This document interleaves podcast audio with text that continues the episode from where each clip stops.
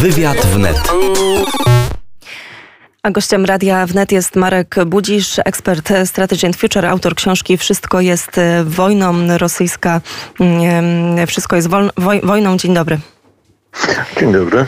E, panie redaktorze, to jest tak, że do tej pory wszyscy mówimy o tym, że obrona Ukrainy, to w jaki sposób walczą ukraińscy żołnierze, ukraińscy cywile, to było bardzo duże zaskoczenie e, dla Rosji. Na pewno o tym, że Rosja przegrywa tą wojnę informacyjną, ale jak to wygląda w wymiarze politycznym, a przede wszystkim, czy możemy też mówić o tym, że Rosja przegrywa też wojnę konwencjonalną? No z pewnością Rosja nie osiągnęła swoich celów strategicznych w tej pierwszej fazie wojny, to znaczy e, nie zdobyła Kijowa, nie doprowadziła do obalenia rządu, e, no i nie, nie zajęła tych terenów, które, które chciała zająć. W tym sensie ta strategia krótkiej wojny, bo ona miała potrwać według różnych deklaracji e, od trzech dni, jak mówił Aleksander Łukaszenka, do, do dwóch tygodni. No ona z pewnością zawiodła. E, to spowodowało, że wojna zmieniła charakter. A w ostatnich dniach mamy w gruncie rzeczy do czynienia z takim mm, spowolnieniem działań na, na, na, na wszystkich kierunkach. One mają charakter taktyczny, nie są prowadzone żadne E, żadne większe operacje. Ukraiński sztab generalny w komunikacie wydanym wczoraj mówi, że mm, w gruncie rzeczy Rosjanie budują pozycje obronne e, i przegrupowują e, siły na zapleczu, no a nie brak też ocen, że na skutek strat, które ponieśli, no, utracili zdolność przeprowadzenia jakichś większych operacji, operacji bojowych. Ta akurat ostatnia teza no, jest, e, powiedziałbym, dyskusyjna, natomiast e, rzeczywiście mamy do czynienia z pewnym uspokojeniem, e, jeśli w ogóle można takiego terminu użyć, no, w porównaniu z poprzednimi dniami czy z, czy z początkiem konfliktu, działań na, na froncie. Wojna przybrała bardziej charakter bezkontaktowy, to znaczy Rosjanie odwołują się do ataków rakietowych i, i, i nalotów. No i równolegle są oczywiście też prowadzone rozmowy i rokowania. O tym, że wiele pułków straciło zdolność bojową, mówi, mówi m.in. na antenie Redewnet generał Waldemar Skrzypczak. A co wiemy o, o wojskach rosyjskich, tych skierowanych na Ukrainę z Karabachu? Takie informacje padły w ostatnich dniach. No, nie, do, nie do końca z Karabachu. Tu raczej była mowa o 800 żołnierzach, y, czyli jednym batalionie, z grubsza rzecz biorąc, z, z bazy wojskowej w Giurmi. Rosjanie mają tam bazę y, już od wielu, wielu lat, w której stacjonuje jedna brygada. E, e, w związku z tym no, to też pokazuje, znaczy nie tylko ta informacja, ale też to, ta informacja mówiąca o um, przyspieszonym werbunku przez Wagnerowców, nowych uczestników walk, informacja, którą podał sam Szojgu o tym, że mm, Rosjanie mają zamiar ściągnąć prorosyjskich tak zwanych bojowników z Syrii.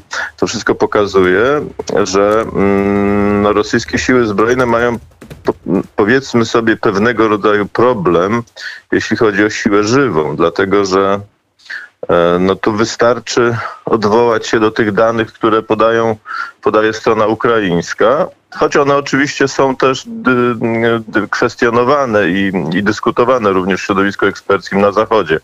Ale Ukraińcy twierdzą, że e, zabili 12 tysięcy, nawet ponad 12 tysięcy e, rosyjskich żołnierzy, Brytyjczycy twierdzą, że to jest e, liczba raczej bliższa połowie tej, te, te, połowie te, tej, tej cyfry. Mm, no ale to mm, nie, nie, nie, to, nie, nie, nie to ma znaczenie, czy to jest 12 tysięcy, czy 6 tysięcy. Tylko jeszcze do tego rachunku trzeba uwzględnić liczbę rannych żołnierzy. Przyjmuje się, że liczba rannych żołnierzy e, jest gdzieś trzykrotną wielkością liczby zabitych. No właśnie, bo Gdyby... tu wejdę w słowo, bo władze ukraińskie, z tego co mi wiadomo, nie mówią o 12 tysiącach zabitych, tylko wykluczonych z walki, o ile się nie mylę. Czyli to mogą być Irani zabici. Wywiad amerykański mówi około 3-4 tysiącach i to by się mogło zgadzać. Czy, czy, czy nie? Czy się mylę i Ukraińcy mówią o 12 tysiącach zabitych? Nie, z tego co ja, ja pamiętam, oni mówią o 12 tysiącach zabitych, ale to jest inny system potwierdzania, dlatego że wywiad brytyjski mówi o 5-6 tysiącach. To Amerykanie są dość e, ostrożni. Strona ukraińska mówi, że te rachunki, zarówno co do liczby żołnierzy, jak i, jak i rosyjskiego sprzętu zniszczonego, to są sumaryczne dane zbierane z oddziałów liniowych i, i, i dlatego oni no, no, dlatego one są większe. Strona ukraińska uważa, że, że to ich dane są prawidłowe, ale tu nie jest kwestia dokładności tych pomiarów, bo, bo, bo je trudno, e, trudno w ogóle mm, zweryfikować. Natomiast jest kwestia pewnej proporcji, co zresztą też potwierdzają oficjalne dane rosyjskie, bo rosyjski sztab generalny mm, przyznał się w końcu, że stracili 500 e, żołnierzy i około 1500 jest rannych. Czyli gdyby, gdyby e, przyjąć te rachunki ukraińskie, to mamy do czynienia z około 50 tysiącami niezdolnych do walki z różnych powodów rosyjskich żołnierzy, czyli to by oznaczało, że około 1 trzeciej sił e, którzy, które Rosjanie wprowadzili na Ukrainę, jest już nie, jakby niezdolna do, do działania. Gdyby przyjąć rachunki brytyjskie, no to, to mamy do czynienia z gdzieś liczbą około 20 tysięcy mm, żołnierzy niezdolnych do działania, co jest 20% z grubsza rzecz biorąc tych sił. To wszystko jest poważne, e, poważnym potencjałem. Rosjanie stracili impet.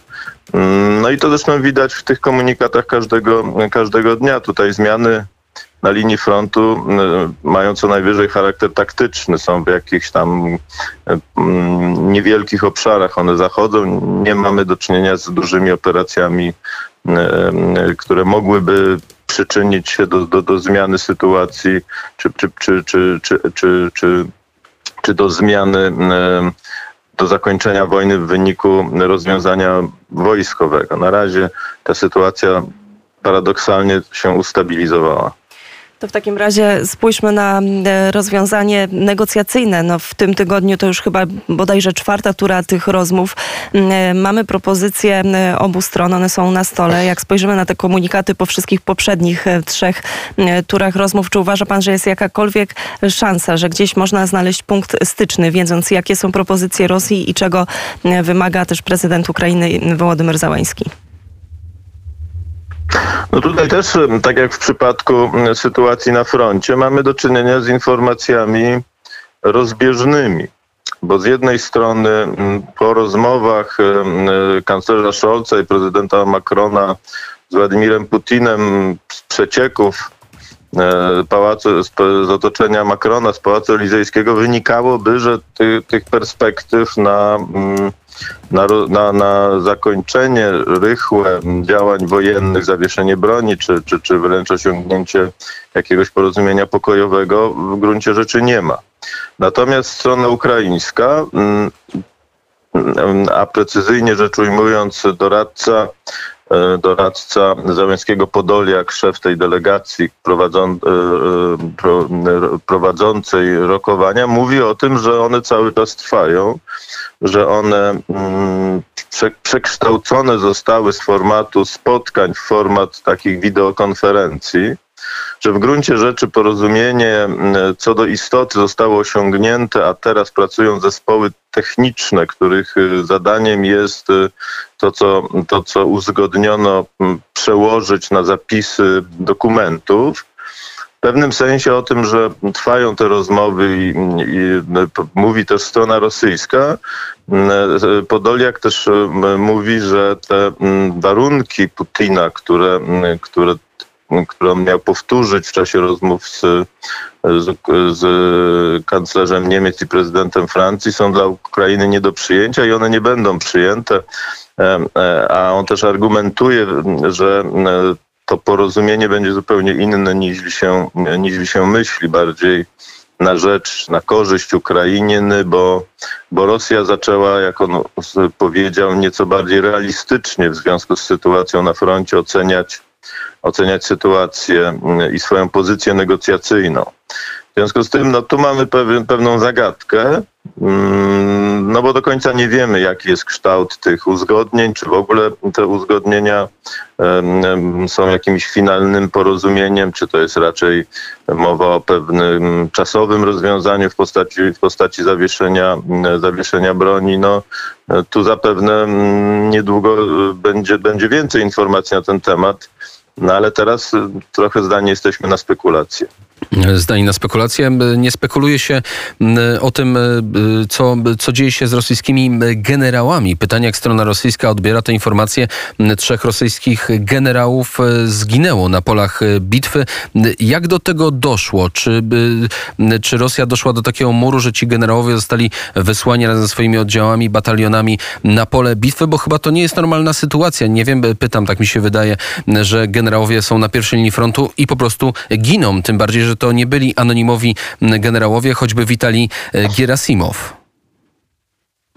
No tu też musimy e, to, co się, e, znaczy tu też jest możliwa jakby interpretacja na różne sposoby tej, tej oto, tego, tego, co się stało. Po pierwsze, musimy pamiętać, że ci rosyjscy generałowie to, e, to, to jest, tak powiem, nowy nabór generalski. To są ludzie relatywnie młodzi z doświadczeniem bojowym, zarówno z Doniecka z 2014 i 2015 roku, z aneksji Krymu, jak i, jak i potem z Syrii. W związku z tym ich zaangażowanie w walkę e, może wynikać e, no, no, z pewnego, nazwijmy to, stylu, stylu dowodzenia. Ale pojawiły się też informacje, że mm, no, Rosjanie mają problemy po pierwsze z mm, przeprowadzeniem, bo tego nie robili właściwie od II wojny światowej, operacji na tę, na, o tej skali. Wszystkie, wszystkie wcześniej realizowane, czy to w Gruzji, czy,